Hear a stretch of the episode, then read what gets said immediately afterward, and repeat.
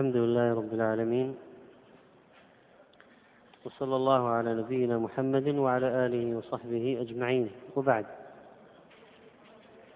فيقول الله سبحانه وتعالى في سورة آل عمران في قصة أخرى من قصص القرآن العظيم إن الله اصطفى آدم ونوحا وآل إبراهيم وآل عمران على العالمين ذرية بعضها من بعض والله سميع عليم. إذ قالت امرأة عمران رب إني نذرت لك ما في بطني محررا فتقبل مني إنك أنت السميع العليم. فلما وضعتها قالت رب إني وضعتها أنثى. والله أعلم بما وضعت وليس الذكر كالأنثى. وإني سميتها مريم وإني أعيدها بك وذريتها من الشيطان الرجيم. فتقبلها ربها بقبول حسن وأنبتها نباتا حسنا وكفلها زكريا كلما دخل عليها زكريا المحراب وجد عندها رزقا قال يا مريم أنى لك هذا قالت هو من عند الله إن الله يرزق من يشاء بغير حساب وهذه الآيات في هذه القصة العظيمة التي تبين أن الله اختار هذه البيوت على سائر أهل الأرض. فاصطفى آدم عليه السلام وخلقه بيده ونفخ فيه من روحه وأسجد له ملائكته وعلمه أسماء كل شيء وأسكنه الجنة ثم تاب عليه لما أذنب وعلمه كيف يتوب وأهبطه إلى الأرض بعدما أعد السكن للساكن. واصطفى نوحا فجعله أول رسول إلى أهل الأرض. اصطفى آدم ونوحا. اصطفاه حين عبدت الأوثان ووفقه للصبر والاحتمال والشكر والدعوة إليه في جميع الأوقات سرا وجهرا وليلا ونهارا. وكذلك أغرق أهل الأرض جميعا بدعوته. لما قال رب لا تذر على الأرض من الكافرين ديارا استجاب الله دعاءه. وأهلك أهل الأرض كلهم بالطوفان إلا المؤمنين الذين معه. وجعل الله ذرية نوح هم الباقين فهو أبو البشرية الثاني ولا يوجد واحد الآن على ظهر الأرض إلا وهو من ذرية نوح عليه السلام. والذين كانوا مع نوح لم تكن لهم ذرية باقية. فلم يبق بعد نوح كل الذين بعد نوح في الأرض من ذرية نوح. لأن الله قال وجعلنا ذريته هم الباقين. وكذلك فإن الله جعل له ثناء يذكر به في جميع الأحيان والأزمان. إن الله اصطفى آدم ونوحا وآل إبراهيم. آل إبراهيم هو إبراهيم نفسه. في اللغة العربية يجوز أن تقول آل فلان والمقصود فلان نفسه. اللهم صل على آل أبي أوفى والمقصود أبو أوفى نفسه.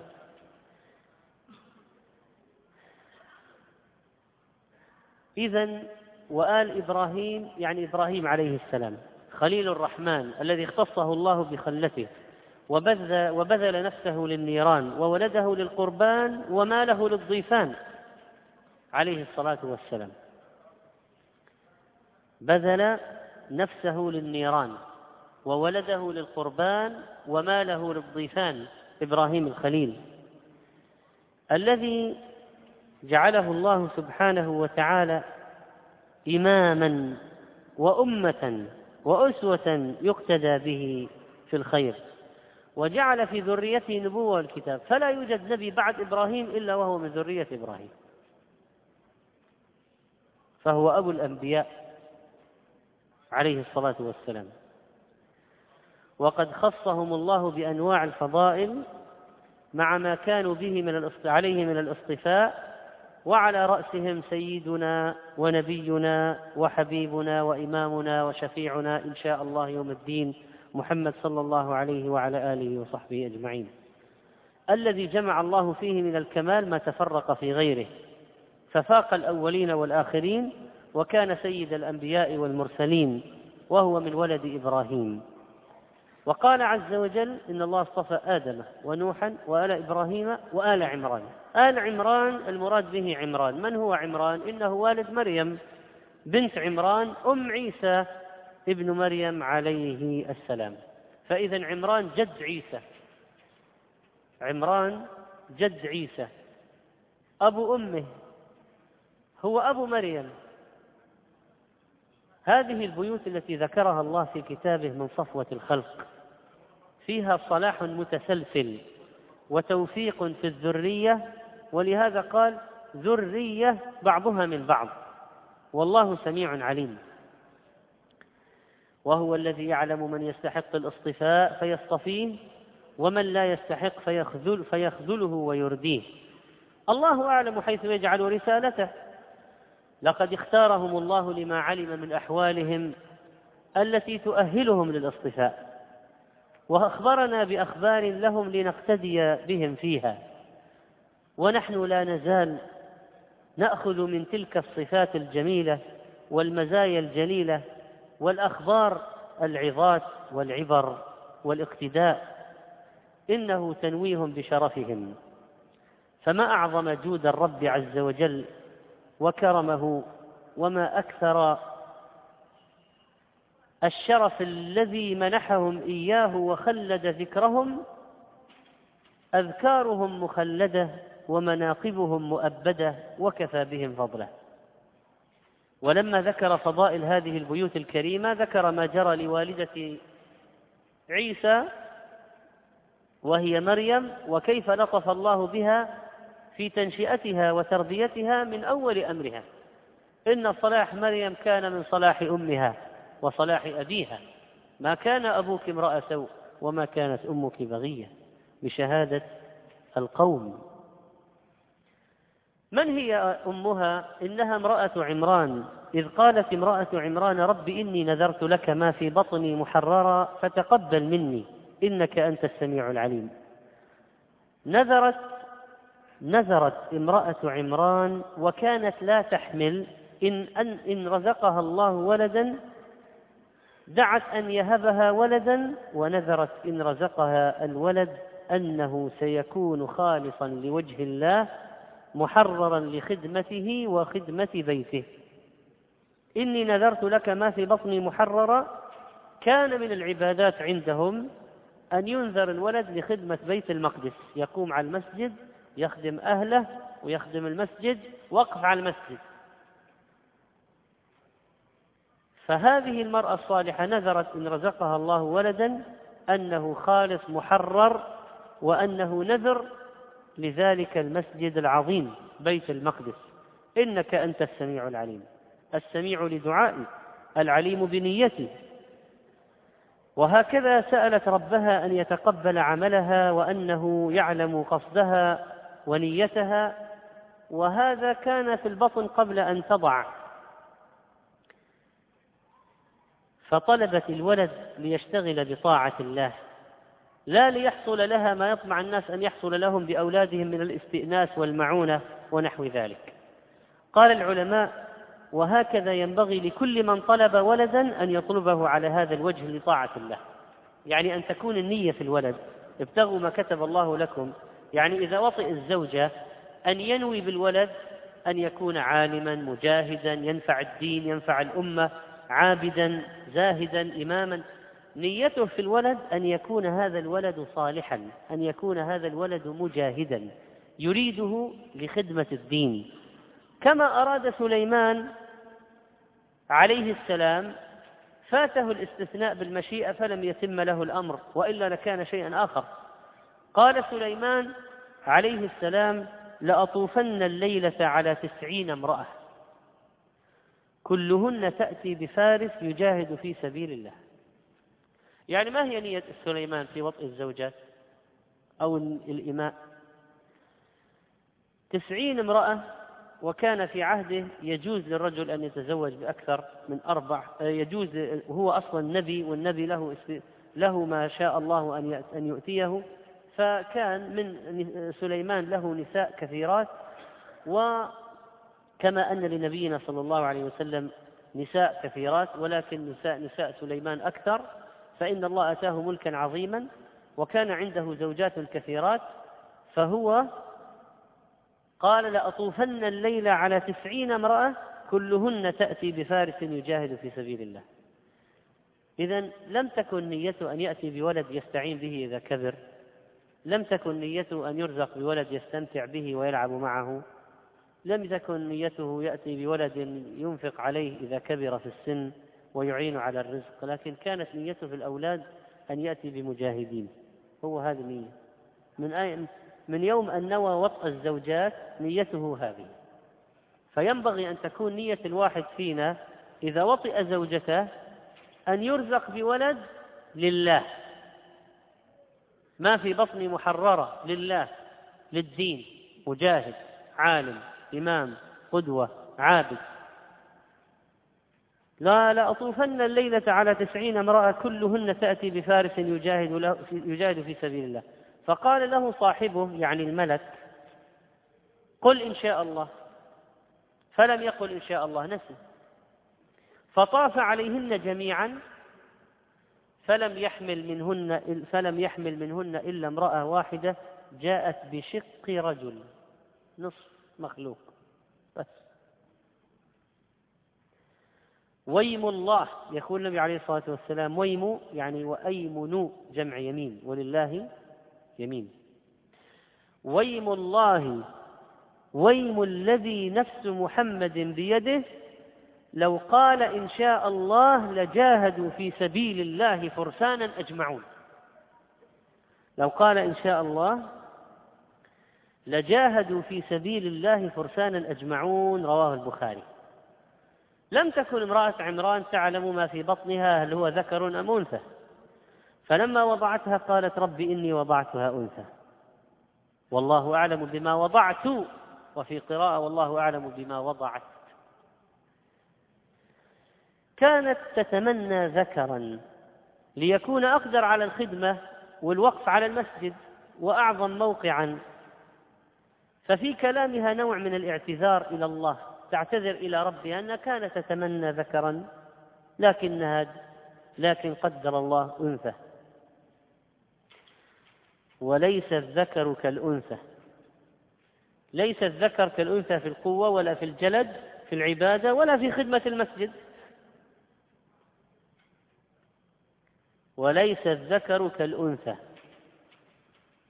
أتت بمولود أنثى وكانت تتمنى ذكرا لأن الذكر في العبادة والخدمة في بيوت الله أفضل من عدة جهات.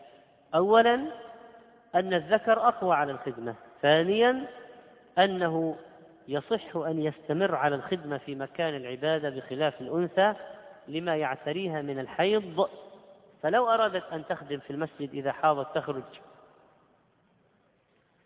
ثالثا الذكر لا يلحقه عيب في الخدمة والاختلاط بالناس. عندما يخدم المصلين والعاكفين والركع السجود. أما الأنثى فإنها ليست بأهل للمخالطة. وتباشر الخدمة بنفسها مع الرجال. فما جاءت على النحو الذي كانت تتمناه. ورابعا أن الذكر رحمك الله لا تلحقه التهمة في مخالطة الناس وخدمتهم بخلاف الأنثى. كما أشار إلى هذه الوجوه العلامة القاسمي رحمه الله في تفسيره. إذا كانت تتمنى ذكرا لهذه الأسباب يكون وقفا على المسجد والخدمة لبيت الله عز وجل. لكن الله شاء لها أنثى ولكن هذه الأنثى جعلها الله خيرا من كثير بل من أكثر الرجال في العالم. وهي مريم وعسى أن تكرهوا شيئا ويجعل الله فيه خيرا كثيرا. لم تتسخط امرأة عمران على الأنثى لكن كانت تتمنى أن تكون ذكرا للأسباب المتقدمة لأنها نذرت نية صالحة. فتتمنى كانت تتمنى أن يتحقق نذرها على الوجه الأوفى. لكن بصلاح نية هذه المرأة الله جعل لها بنتا أفضل من أكثر الرجال في العالم. وسمتها في يوم الولادة. فلما وضعتها قالت رب إني وضعتها أنثى والله أعلم بما وضعت وليس الذكر كالأنثى وإني سميتها مريم. وقد ثبت في السنة النبوية أن النبي عليه الصلاة والسلام قال ولد لي الليل ولد سميته باسم أبي إبراهيم رواه البخاري. وفي البخاري أيضا عن أنس بن مالك رضي الله عنه أنه ذهب بأخيه حين ولدته أمه إلى رسول الله صلى الله عليه وسلم فحنكه وسماه عبد الله. وفي البخاري أيضا عن جابر رضي الله عنه قال ولد لرجل منا غلام فسماه القاسم. فقلنا لا نكنيك بأبي القاسم لا نكنيك أبا القاسم ولا كرامة. كيف نجعل لك كنية مثل كنية الرسول عليه الصلاة والسلام؟ فأخبر النبي صلى الله عليه وسلم فقال سم ابنك عبد الرحمن. إذا في البخاري أن الرسول عليه الصلاة والسلام سمى عبد الله وقال للصحابي سمي ابنك عبد الرحمن وأحب الأسماء إلى الله عبد الله وعبد الرحمن فالتسمية بهما سنة والتسمية بهما أكثر أجرا من التسمية بغيرهما. وقد ثبت عن النبي صلى الله عليه وسلم من قوله وفعله. قال سمي ابنك عبد الرحمن وسمى ذاك الولد عبد الله. وقال أحب الأسماء إلى الله عبد الله وعبد الرحمن. لأن التعبير عن العبودية لهذين الاسمين أفضل الأسماء أفضل أسماء الله عز وجل الله لفظ الجلالة. وقال كثير من العلماء إنه هو الاسم الأعظم الله. يليه في الأفضلية الرحمن. إذا أحب الأسماء أحب أسماء الله إلى الله الله. وأحب أسماء الله إليه بعد اسم الله هو الرحمن. ولذلك كان التعبيد بهما أفضل من التعبيد بغيرهما. هل يمكن الإنسان يسمي بعبد الرحيم وعبد السميع وعبد العليم؟ لكن عبد الله وعبد الرحمن أفضل. وقد يقول قائل إن هناك حديثا صحيحا عن النبي صلى الله عليه وسلم أنه قال كل غلام مرتهن بعقيقته تذبح عنه يوم السابع ويسمى ويحلق رأسه. وهذا ظاهره أن التسمية تكون في اليوم السابع. فالجواب كلاهما سنة. تسميته في اليوم الأول سنة وفي اليوم السابع سنة وفي غيرهما لا بأس به. غير أن بعضهم قال بدل يسمى يدمى. وقال بعضهم تلطيخ رأس الولد بالدم وهذا غلط ولا وليس من الشرع في شيء. إنما هي ذبح العقيقة. يوم السابع تذبح عقيقته. وكذلك فإن مريم عوذت بالله من الشيطان الرجيم من قبل أمها فقالت امرأة عمران لما ولدتها وإني أعيذها بك وذريتها من الشيطان الرجيم. فعوذتها بالله وعوذت ذريتها بالله. فنظرت امرأة عمران بعيدة. ولم يكن دعاؤها لابنتها فقط وإنما دعاؤها أيضا لذرية ابنتها. وإني أعيذها بك وذريتها. وبفضل رب العالمين ثم بخلوص نية هذه المرأة أنقذ الله مريم وولدها من ذريتها وهو ذريتها عيسى من الشيطان. فقال النبي صلى الله عليه وسلم ما من مولود يولد إلا مسه الشيطان حين يولد فيستهل صارخا. من مسه إياه إلا مريم وابنها. ثم يقول أبو هريرة اقرأوا إن شئتم وإني أعيذها بك وذريتها من الشيطان الرجيم. فجاء إبليس ليطعن على العادة في خاصرة المولود فطعن في الحجاب ولم يضر ذلك مريم ولا ولدها عيسى لما ولد. لم يستطع الشيطان أن يصل بطعن طعنة أصبعه إليهما. طعن في الحجاب في المشيمة وما ما استطاع أن يصل إلى مريم عندما ولدت ولا إلى عيسى عندما ولد. فتقبلها ربها بقبول حسنة حسنة في بدنها وخلقها فجعلها شكلا مليحا ومنظرا بهيجا وخلقها وجعلها من الصالحين وقرنها بالصالحين تتعلم منهم العلم والخير والدين. وقال فتقبلها وليس فقبلها لأن التقبل أبلغ من القبول لأن التقبل هو قبول مع رضا وإثابة. التقبل قبول مع رضا وإثابة. ولهذا تقبلها وكفلها زكريا جعله كافلا لها. وقدر لها زكريا ليكفلها لكي تقتبس من علمه علما جما ومن عمله عملا صالحا. وكان زكريا زوج خالتها وقيل زوج أختها لما ورد في حديث مسلم في قصة المعراج فإذا بيحيى وزك فإذا بيحيى وعيسى وهما ابناء الخالة. فإذا بيحيى وعيسى وهما ابناء الخالة. اذا عيسى ابن خالة يحيى ويحيى ابن خالة عيسى معنى ذلك أن أم يحيى وأم عيسى أختان. إذا مريم وأم يحيى أختان. زكريا زوج أم يحيى يكون زوج أخت مريم. زكريا زوج أخت مريم. أخت مريم أكبر من مريم. فهي التي ضمت مريم إليها عند زوجها زكريا النبي لتتربى في كنفه وتنشأ في بيته. ولذلك اكتسبت من أخلاق النبوة فإن زكريا كان نبيا عليه السلام. وهكذا نشأت تلك المرأة العظيمة مريم عليها السلام في كنف زكريا عليه السلام وكانت تلك الكافلة لها وإذا قلنا إنها خالة فإن النبي عليه الصلاة والسلام قال الخالة بمنزلة الأم. كانت مريم يتيمة نشأت يتيمة. قيل إنه أصابت بني إسرائيل سنة قحط. ولذلك اضطرت مريم أن تكون عند زكريا ضمها إليه لينفق عليها. ولا منافاة بين القولين كما قال ابن كثير رحمه الله فنشأت في عبادة ربها وفاقت النساء تفرغت للعبادة وانقطعت ولزمت المصلى كلما دخل عليها زكريا المحراب.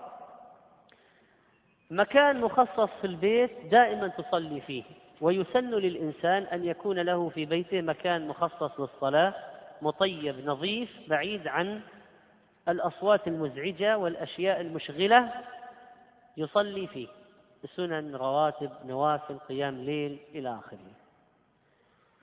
محراب مريم كان في بيتها في البيت الذي هي فيه نشأت في العبادة.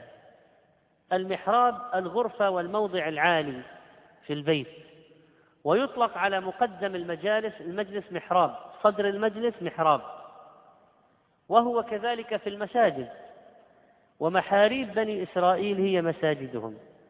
كلما دخل عليها زكريا المحراب وجد عندها رزقا. ما هو الرزق؟ كرامة لمريم. ما هي الكرامة؟ قال العلماء والمفسرون فاكهة الشتاء في الصيف وفاكهة الصيف في الشتاء. الفاكهة التي لا توجد إلا أيام الصيف كانت توجد عند مريم في الشتاء. وين؟ في المحراب. هي امرأة في بيتها ما تخرج لا تشتري ولا تبيع ولا تزرع. فيأتيها الله تعالى بالرزق في محرابها مكان الصلاة. هذه كرامات الأولياء. وليس أي أي طعام طعام نفيس بل لا يوجد عند غيرها. أي فاكهة الصيف في الشتاء والشتاء في الصيف. ولذلك كلما دخل عليها زكريا المحراب وجد عندها رزقا. وكرامات الأولياء ثابتة عند أهل السنة والجماعة. كرامة الولي دون معجزة النبي. معجزة النبي مقرونة بالتحدي.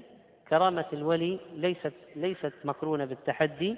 معجزة النبي لكي يصدقه قومه فهي ظاهرة جلية. كرامة الولي ممكن تكون خفية لا يطلع عليها أحد وممكن تنشر وتعتبر من فضائله. لا يتحدث عنها هذا الشرط وإلا ما كان وليا الذي يفاخر بكرامته ويقول عندي كذا وصار لي كذا. كرامات الأولياء ثابتة عند أهل السنة والجماعة. كرامة الولي ومعجزة النبي يشتركان في قضية خرق العادة لكن المعجزة أعظم أعلى أشمل. خرق العادة للولي إكرام من الله له. ممكن يكون لبعض شياطين الإنس خوارق يمشي على الماء يطير في الهواء. ممكن لكن هذه فتنة وليست كرامة فتنة إنما نملي لهم ليزدادوا إثما. ألم يأتك نبأ ذلك الصحابي الجليل وهو خبيب ابن عدي الأنصاري الذي أسر وجعل بمكة فكان الله يرزقه في مكة مما رزقه قطفا من عنب وهو موثق بالحديد وليس في مكة ثمر. رأت المرأة المشركة في بيتها كان مسجونا خبيب مسجونا رأت في يده قطفا من عنب وما في مكة ثمر. قطف عنب خبيب وتلك الفاكهة لمريم تجدها في المحراب. قال يا مريم وأن لك هذا؟ من أين؟ قالت هو من عند الله. وهذا دليل على تعظيمها لربها يرزق من يشاء بغير حساب. من غير حسبان من العبد ولا كسب. هذه الكرامة العظيمة. لما رأى زكريا ذلك توجه إلى الله بالدعاء كما سيأتي بمشيئة الله تعالى. القصة هذه فيها فوائد كثيرة منها. أن صلاح الأبناء قد يكون من صلاح الآباء والأمهات. وأهمية إخلاص النية عند طلب الولد ووطء الزوجة. وأهمية دعاء الأم لمن في بطنها قبل الولادة. وأهمية تعويذ الولد من الشيطان الرجيم. وتمني الخير والصلاح للذرية من بعد الولد ولد الولد ولد ولد الولد وهكذا. وليس أن يكون الدعاء مقتصرا على الولد. وأن الله قد يفضل امرأة واحدة على كثير من الرجال. كمل من الرجال كثير لكن من النساء كملت نسوة. منهن فاطمة وخديجة وآسيا ومريم عليه السلام. ومنها تسمية المولود يوم الولادة ومنها فضل خدمة بيوت الله تعالى وأن عبادة عظيمة والتفرغ لخدمة بيوت الله والمساجد محتسبا الأجر في ذلك وأن إعداد بيوت الله تنظيفا وتطهيرا وتطييبا هو من العبادات العبادات التي يحبها الله. ومنها عرفنا بعض ما يتعلق بآداب المولود ونضيف إلى ذلك تحنيك الولد والدعاء له. لحديث أبي موسى أبي موسى رضي الله عنه ولد لي غلام فأتيت به إلى النبي صلى الله عليه وسلم فسماه إبراهيم. وحنكه بتمرة ودعا له بالبركة ودفعه إلي رواه البخاري ومسلم. وضع شيء حلو في فم الطفل في أول ولادته كتمر أو عسل. هذا هو التحنيك. تلين تمرة تلينها بإصبعيك وتمر بها على حنك الولد من الأعلى والأسفل. ثم تسميه في اليوم الأول أو في السابع ويجوز في أي يوم آخر. ثم العقيقة.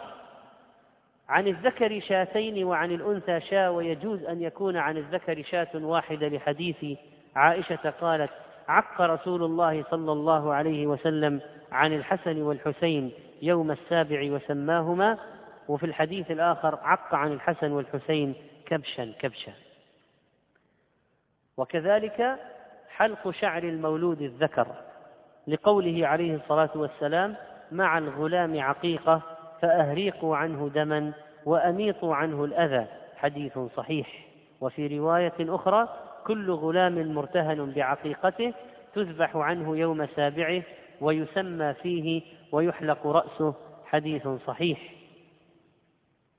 قال بعض العلماء إن الحلاقة خاصة بالذكر لأن الحديث كل غلام وليس الجارية يحلق رأسه. مع الغلام عقيقة وأميطوا عنه الأذى يعني بحلاقة شعر الرأس. وقال بعضهم إنه يشمل إنه يشمل من؟ الإناث أيضا. قالوا هذا الغلام اللي استغرى أيضا العقيقة للإناث وأيضا التسمية. وهذا حسب المصلحة حسب المصلحة إن رأى مصلحة في حلاقة شعر الأنثى حلقها. وإلا كان ذلك خاصا بالذكر. إذا قال عدد من أهل العلم إن الحلاقة خاصة بالذكر. ومن فوائد العقيقة أنها قربان إلى الله تعالى وتفك رهان المولود وأسر الشيطان عن له وتخفف من كيده وأذاه بالمولود وأنها فدية للمولود كما فدى الله إسماعيل بالكبش. وأيضا فيها اجتماع الأقارب والأصدقاء ونفع الجيران وإنهار الدم شكرا لله على هذا المولود وعلى حياته. وكذلك الختان من سنن الفطرة يتعلق بالصبي وهو مكرمة في حق الإناث و مؤكد في حق الذكور. وذكر العلماء في سنن المولود الأذان في الأذن اليمنى لكي يكون أول ما يفتح عليه سمعه في هذه الدنيا كلمة التوحيد. ومن السنن المهجورة كما قلنا دهن رأس الولد بالزعفران بعد حلاقة رأسه والتصدق بوزن الشعر ذهبا أو فضة ولا يشترط أن يوزن الشعر المحلوق فإذا صعب يكفي أن تقدر بقيمة الورق النقدي ويتصدق بالمبلغ. وإذا كان فقيرا فيجوز أن يؤجل العقيقة ولو أجلها لسنوات ويجوز للإنسان أن يذبح العقيقة عن نفسه إذا لم يذبحها عنه أبوه لجهل أو ضيق ذات اليد. وكذلك فإن حسن تربية المولود هي المهمة الأصعب بعد كل هذه السنن التي يقوم بها الأب أو من ينوب عنه. وأخيرا فإن هذه الآيات قد مر فيها قول الله تعالى وليس الذكر كالأنثى وليس الذكر كالأنثى. فلعنة الله على الذين يقولون بمساواة الذكور مع الإناث. لأنهم مكذبون بقول الله وليس الذكر كالأنثى. ونسأل الله أن يأخذهم أخذ عزيز مقتدر الذين ينادون بالمساواة بين الجنسين لأنهم من جنود إبليس ومن أهل الباطل المكذبين بالشرع المعاندين للدين الذين يضادون الله في حكمه. فإن الله قال وليس الذكر كالأنثى فكيف تجوز المساواة بين الجنسين؟ والله فاوت بينهما. أليست دية الذكر ضعف دية الأنثى؟ أليس نصيب الذكر في الميراث ضعف نصيب الأنثى؟ أليست عقيقة الذكر ضعف عقيقة الأنثى؟ أليس هناك أحكام كثيرة متعلقة بالذكر تختلف عن الأنثى؟ فكيف يريدون المساواة بين الجنسين؟ ويقولون إن ديننا ظلم المرأة لأنه لم يسوي بها لم يسويها مع الرجل الذكر وهضمها حقها. ألا يعلم من خلق وهو اللطيف الخبير؟ هو الذي يعلم تركيبة الإناث وتركيبة الذكور وما يصلح لكل من الجنسين؟ فتأكيدا لهذا الكلام تعالوا نستعرض بعض ما ورد من الفروق في الشريعة الإسلامية وفي الفقه بين الذكور والإناث. في مسألة الطهارة يغسل أثر بول الصبية التي لم تأكل الطعام بينما ينضح أثر بول الصبي الذي لم يأكل الطعام. النضح أسهل من الغسل. ثانيا الختان في حق النساء مكرمة وفي حق الرجال مؤكد واجب. ثالثا لا تحلق المرأة شعر رأسها لحاجتها إلى التجمل والتزين. لا يجوز للمرأة أن تحلق رأسها إلا لضرورة بينما الرجل يحلق رأسه في الحج والعمرة. لا يجوز للمرأة أن تمس طيبا عند الخروج بين الرجال بينما الرجل يتعطر. المرأة تضع الحناء وتنقش بينما الرجل لا يجوز له ذلك فهو من التشبه بالنساء. لباس المرأة يراعى فيه الستر والبعد عن التشبه بالرجال ويجوز لهن الذهب. بينما الرجل لا يجوز له الذهب ولا الحرير بخلاف المرأة ولا يجوز أن يلبس لبسة المرأة. في الصلاة المرأة لها عورة تختلف عن عورات الرجال فكلها عورة في الصلاة إلا الوجه واليدين. أما الرجل فعورته ما بين السرة والركبة وعليه ستر المنكبين. المرأة لا تؤذن الرجل يؤذن. الرجل يجهر بالقراءة عند وجود النساء المرأة لا تجهر بالقراءة عند وجود الرجال الأجانب.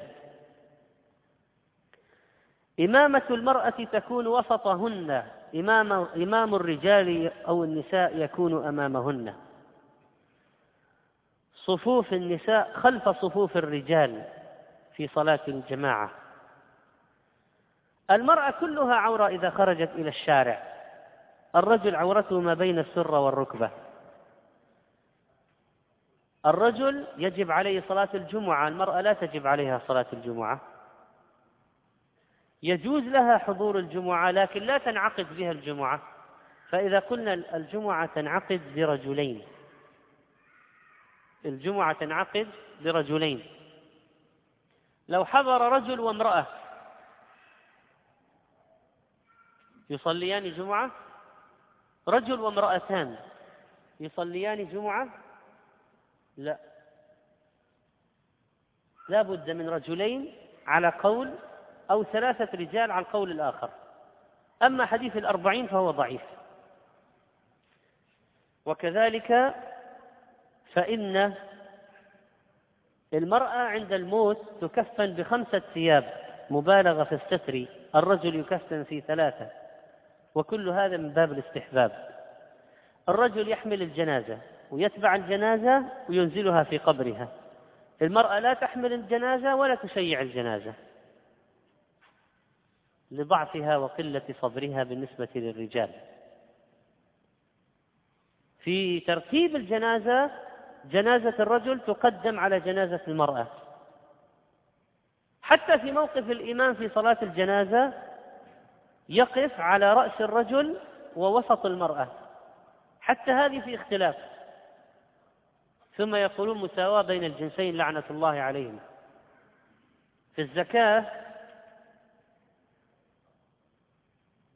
المرأة ممكن تدفع زكاة زوجها زكاة مالها للزوج الفقير لسداد دين عليه مثلا. لكن رجل ما يجوز أن يدفع زكاته لزوجته لأنه مكلف بالنفقة عليها. الرجل مكلف بالنفقة على المرأة المرأة غير مكلفة بالنفقة على الزوج. ولو كانت غنية.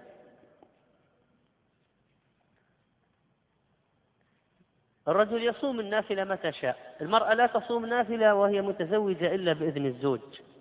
الرجل يخرج من بيته متى شاء. المرأة ما تخرج إلا بإذن زوجها.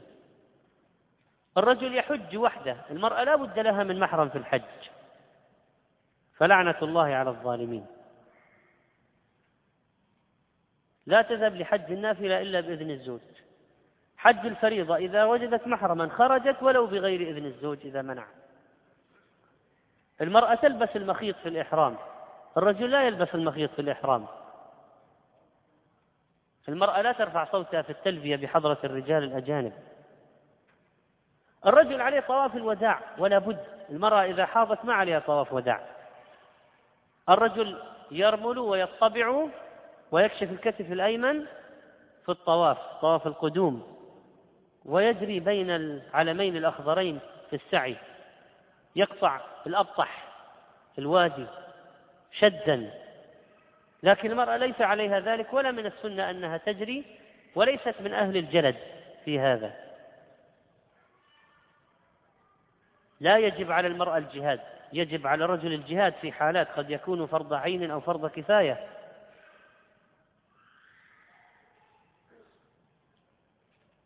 لا يجوز للمرأة أن تعقد النكاح بينما يعقده الرجل.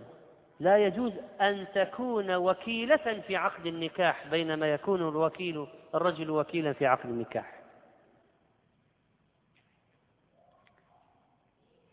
المرأة مقدمة على الرجل في حضانة الولد الصغير لأن أدرى برعايته وأكثر حنانا وعطفا منه حتى يستقل بنفسه الولد.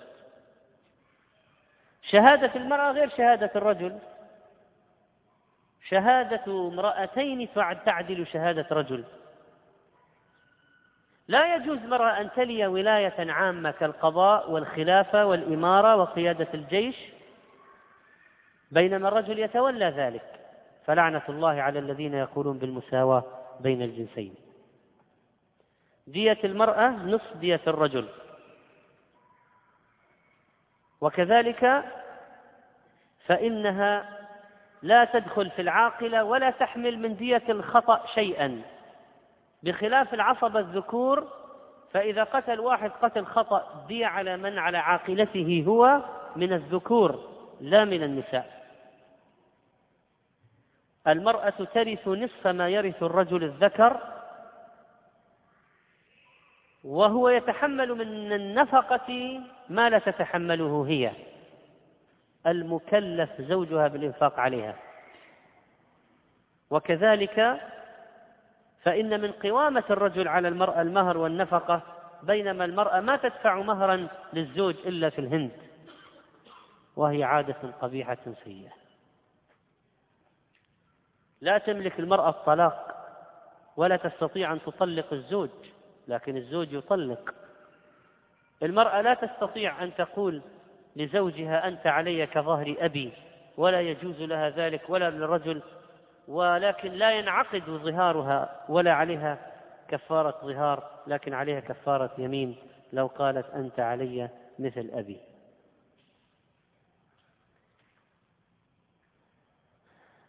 وكذلك المرأة عليها عدة في الوفاة. الرجل إذا ماتت زوجته ما عليه عدة أربعة أشهر وعشر أيام. فلعنة الله على الذين ينادون بالمساواة بين الجنسين. هذه من مؤامرات أعداء الإسلام التي يقوم بها في العصر الحاضر المناداة بالمساواة بين الجنسين. ولو كان عندهم ذرة عقل لما نادوا بذلك. وليس الذكر كالأنثى فائدة عظيمة في هذه السورة نرد بها على أدعياء التقدم والحضارة وأذناب الغرب أتباع كل ناعق والله تعالى أعلم.